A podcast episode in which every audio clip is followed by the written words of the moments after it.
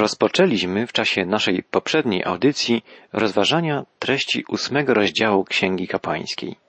We wprowadzeniu w czynności kapłańskie Aarona i jego synów dostrzegliśmy już kilka ważnych lekcji. Lekcji odnoszących się do naszego dzisiejszego życia wiary. Spójrzmy na dalszy przebieg uroczystości ustanowienia służby kapłańskiej.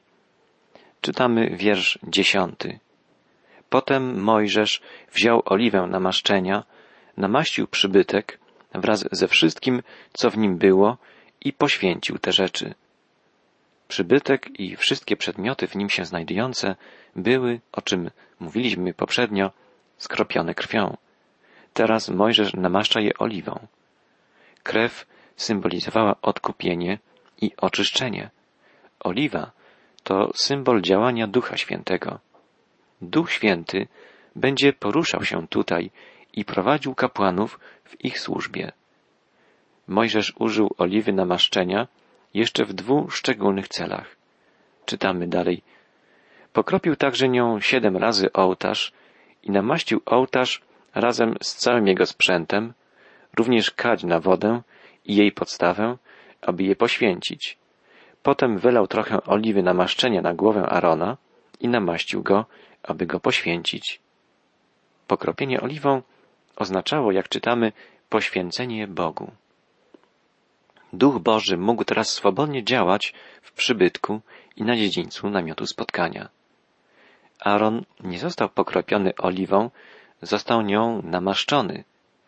Mojżesz wylał oliwę na jego głowę. W psalmie 133 czytamy o błogosławieństwie, które jest jak cenny olejek na głowie, który spływa na brodę, na brodę Aarona, sięgającą brzegu jego szaty. Na prawdziwego arcykapłana, Jezusa, Duch Święty stąpił w czasie jego chrztu w Jordanie. Aaron został namaszczony oliwą, zanim złożono ofiarę przebłagalną za kapłanów. Rzeczywisty najwyższy kapłan nie musi składać ofiary za grzech. Jest bowiem bezgrzeszny. Czytamy o Jezusie w liście do Hebrajczyków. Dlatego namaścił Cię, o Boże, Bóg Twój olejkiem wesela, jak żadnego z towarzyszy Twoich. Jezus, nasz najwyższy kapłan, został namaszczony Duchem Świętym. Czytamy dalej. Następnie Mojżesz kazał synom Aarona przybliżyć się, włożył na nich tuniki, przepasał ich ozdobnymi pasami i okrył ich głowy mitrami, tak jak Pan nakazał Mojżeszowi. Synowie Aarona zostali ubrani przez Mojżesza zgodnie z Bożym poleceniem i w ten sposób wszyscy byli już przygotowani do złożenia ofiary przebłagalnej. W wierszu czternastym czytamy Potem przyprowadzono cielca na ofiarę przebłagalną. Aaron i jego synowie włożyli ręce na głowę cielca ofiary przebłagalnej. Jako ofiarę złożono młodego cielca. Aaron i jego czterej synowie włożyli ręce na głowę cielca. Ich grzechy zostały przeniesione na niewinną ofiarę. Byli oni świadomi swojej grzeszności. Mimo, że Bóg powołał ich do uświęconej służby, byli zwykłymi ludźmi, byli grzesznikami, tak jak my wszyscy. Możemy przekonać się, czytając Biblię, że wielcy mężowie Boży zawsze byli świadomi swojej grzeszności. Psalmista Dawid wołał, dosięgły mnie winy moje nieprzejrzane, są liczniejsze niż włosy na mojej głowie. Drogi słuchaczu, czy uświadamiasz sobie to, że jesteś grzeszny? Jeśli tak, Bóg może coś dla ciebie uczynić, jeśli tylko poprosisz Go o ratunek. Natomiast jeśli wydaje ci się, że jesteś w porządku i że sam potrafisz ułożyć sobie życie, Bóg nie jest ci potrzebny. Dawid wołał, winy moje wyrosły ponad głowę moją. Są jak wielki ciężar, zbyt ciężki dla mnie. Jeśli ciąży nam grzeszna natura i chcemy skończyć z brnięciem coraz dalej w grzech, możemy złożyć swój ciężar na tego, który woła, pójdźcie do mnie wszyscy, którzy jesteście spracowani i obciążeni, a ja wam dam odpocznienie. Bóg widzi nasze serce, zna nasze myśli. Tego, co od nas oczekuje, to szczerości. Mojżesz zabił go, wziął krew jego i palcem pomazał rogi ołtarza dokoła. W ten sposób oczyścił ołtarz. Czytamy dalej. Resztę krwi wylał na podstawę ołtarza i tak poświęcił go i dokonał przebłagania. Potem wziął cały tłuszcz, który jest na wnętrznościach i płat tłuszczu, który okrywa wątrobę, jak również i obie nerki wraz z ich tłuszczem.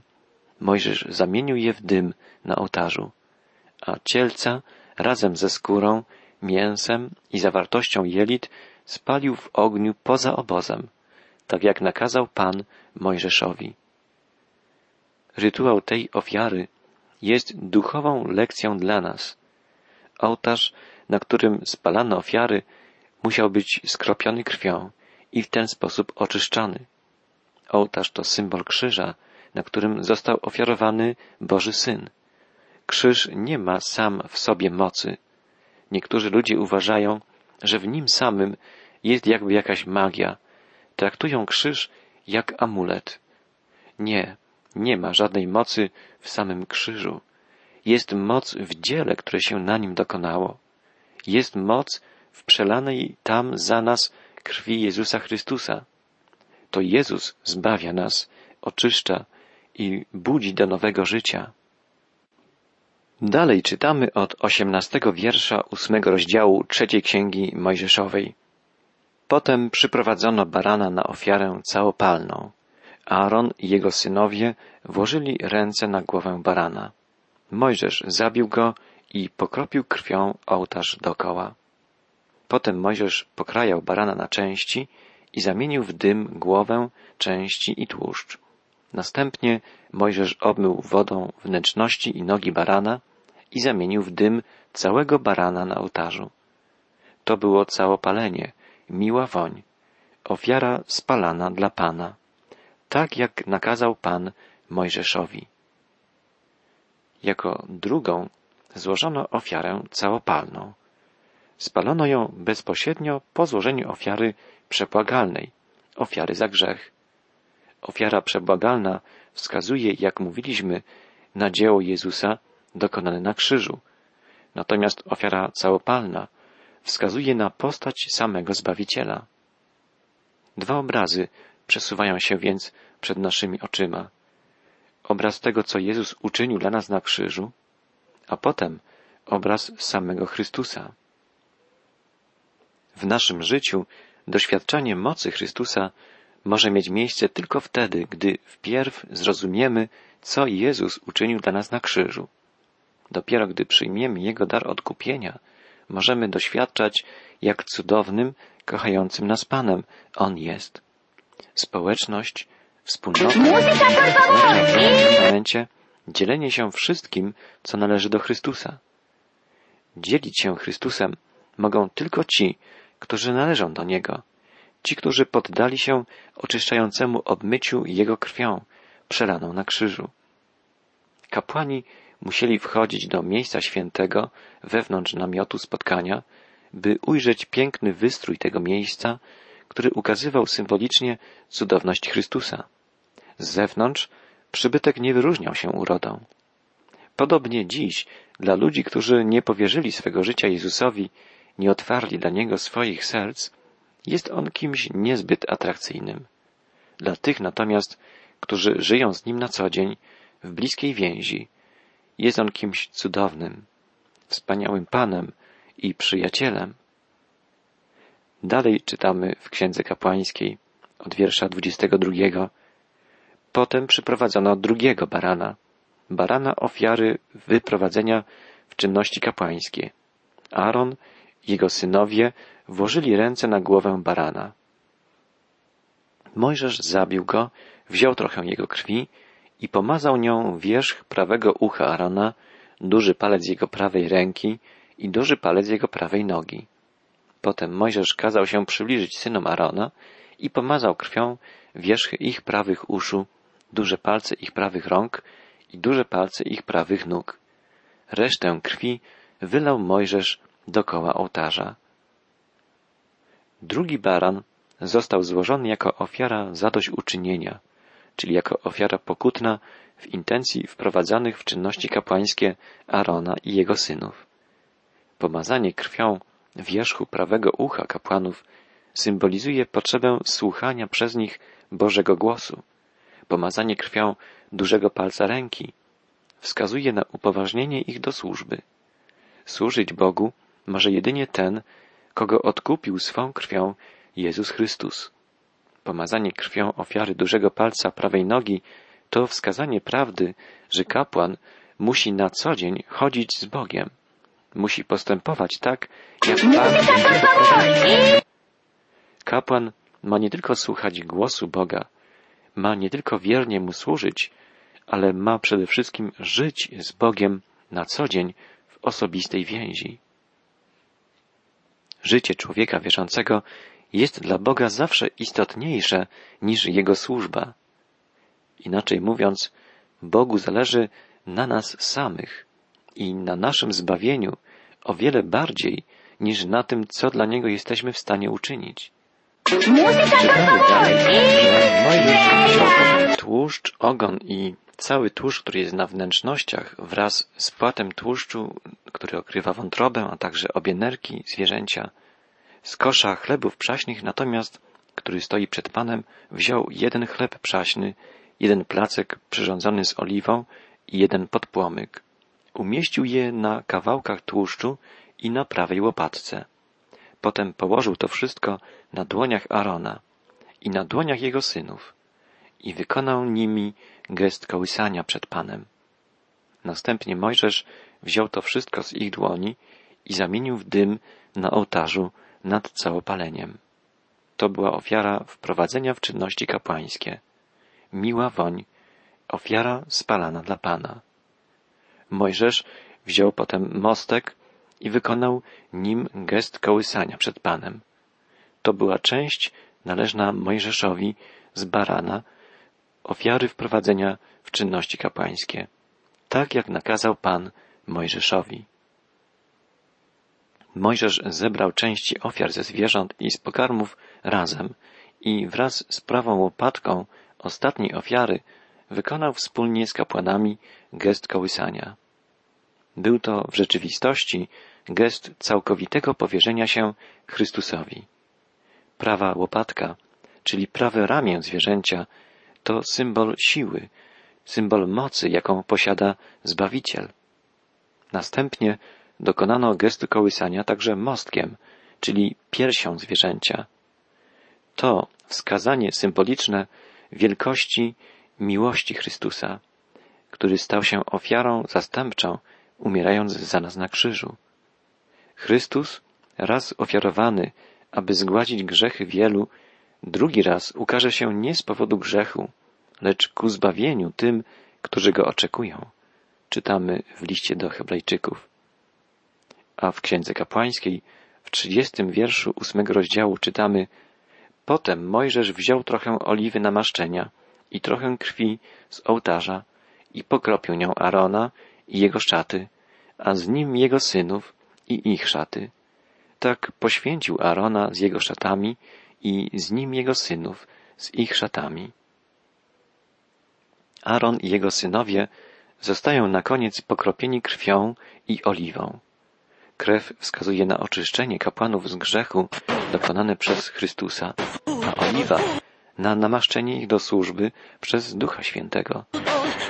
Pan Jezus powiedział, jak czytamy w Ewangelii Jana, za nich poświęcam siebie samego, aby i oni byli poświęceni w prawdzie. Jezus pragnie, by wszyscy wierzący w Niego ludzie żyli w Jego prawdzie, by żyli jako oczyszczeni Jego krwią świadkowie Jego miłości. Możemy przyrzekać Panu oddanie i wierność, możemy uczestniczyć w uroczystościach poświęcenia się służbie dla Niego, ale tak naprawdę liczy się to, czy rzeczywiście będziemy żyć w sposób przynoszący Mu chwałę, sprawiający Mu radość. Miernikiem może być tu ocena naszego życia dokonywana przez otaczających nas ludzi. Co o nas sądzi nasz sąsiad? Kim jesteśmy dla ludzi, z którymi pracujemy w jednym zakładzie, z którymi spędzamy wolne chwile? Kim jesteśmy dla naszych najbliższych, dla współmałżonka, dla rodziców, dla dzieci, dla rodzeństwa, dla pozostałych krewnych? Słyszałem kiedyś wypowiedź człowieka niewierzącego, który był sąsiadem rodziny oddanej Chrystusowi. Powiedział on, nie wiem zbyt wiele na temat religii, którą oni wyznają, ale jeśli miałbym zostać człowiekiem religijnym, chciałbym być taki jak oni. Ta wypowiedź brzmi zachęcająco, prawda? Szkoda, że takie przypadki zdarzają się raczej rzadko. Nasze chrześcijańskie życie powinno być tak pociągające dla obserwujących nas ludzi, żeby zapragnęli oni żyć podobnie. To nasze życie winno wskazywać na to, jak wspaniałym i cudownym Panem jest Jezus Chrystus. Przeczytajmy, jak zakończyła się uroczystość wprowadzenia Arona i jego synów w czynności kapłańskie. Czytam od wiersza 31 w ósmym rozdziale trzeciej Mojżeszowej. Potem powiedział Mojżesz do Arona i do jego synów. Ugotujcie mięso przy wejściu do namiotu spotkania. Tam jedzcie je z chlebem, który jest w koszu ofiary wprowadzenia w czynności kapłańskie.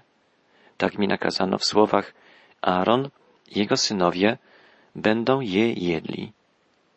Resztę mięsa i chleba spalicie w ogniu. Uroczystość wprowadzenia Arona i jego synów w czynności kapłańskie zakończyła się ucztą. Mięso i chleb, które pozostały z ofiar ze zwierząt i z pokarmów, przeznaczone były do spożycia przy wejściu do namiotu spotkania. Resztki miały być spalane w ogniu. A więc wszystko miało być skonsumowane bądź przez ludzi, bądź przez ogień. Jakże to wspaniały obraz dla nas, współczesnych wierzących. Wszystkie ofiary wskazywały przecież na Jezusa. Mamy karmić się Jezusem. Nic ze skarbów ukrytych w Nim nie może być zmarnotrawione. Tylko żyjąc z Nim na co dzień, w osobistej więzi, tylko karmiąc się Jego słowem, Jego prawdą, Jego pokojem, całym bogactwem w Nim zawartym, duchowym bogactwem, będziemy prawdziwymi chrześcijanami, czyli ludźmi Chrystusa. Nasze życie może być życiem bogatym, życiem obfitym, radosnym, gdy będziemy ucztować wraz z naszymi braćmi w Chrystusie u stołu zbawienia i pokoju, stołu zastawionego dla nas przez samego Boga. Czytamy w zakończeniu ósmego rozdziału Księgi Kapłańskiej o ostatnich poleceniach przekazanych Aaronowi i jego synom w imieniu Boga przez Mojżesza. Od wejścia do namiotu spotkania nie będziecie odchodzić przez siedem dni, aż do dnia, kiedy skończą się dni waszego wprowadzenia w czynności kapłańskie, bo przez siedem dni będziecie w nie wprowadzani. Tak jak dzisiaj uczyniono, tak Pan nakazał czynić, aby dokonać za was przebłagania. Przez siedem dni będziecie siedzieć przy wejściu do namiotu spotkania dzień i noc na straży Pana, abyście nie pomarli. Taki nakaz otrzymałem. Aaron i jego synowie uczynili to wszystko, co Pan nakazał im przez Mojżesza. Kapłani przez siedem dni przebywali u wejścia do namiotu spotkania. Był to czas medytacji, czas rozważania słów Pana, czas modlitwy i społeczności z Bogiem, czas przygotowywania się do służby dla Boga. Nasz najwyższy kapłan, Jezus Chrystus, nieustannie przebywa u boku Ojca i zabiega o nas, wstawia się za nami. Gdy przeżywamy trudności lub gdy znajdujemy się w niebezpieczeństwie, możemy być pewni, że Jezus jest z nami. Gdy obudzimy się w środku nocy, zaniepokojeni złym snem, możemy zwrócić się w modlitwie do Pana. On stale czuwa. Gdy musimy udać się w jakieś nieznane nam ciemne miejsce, możemy być pewni, że Jezus będzie tam już przed nami i że będzie nam towarzyszył, ochraniał nas. Jezus jest zawsze dostępny, zawsze możemy do Niego wołać. Możemy zawołać do naszego Zbawiciela także i teraz.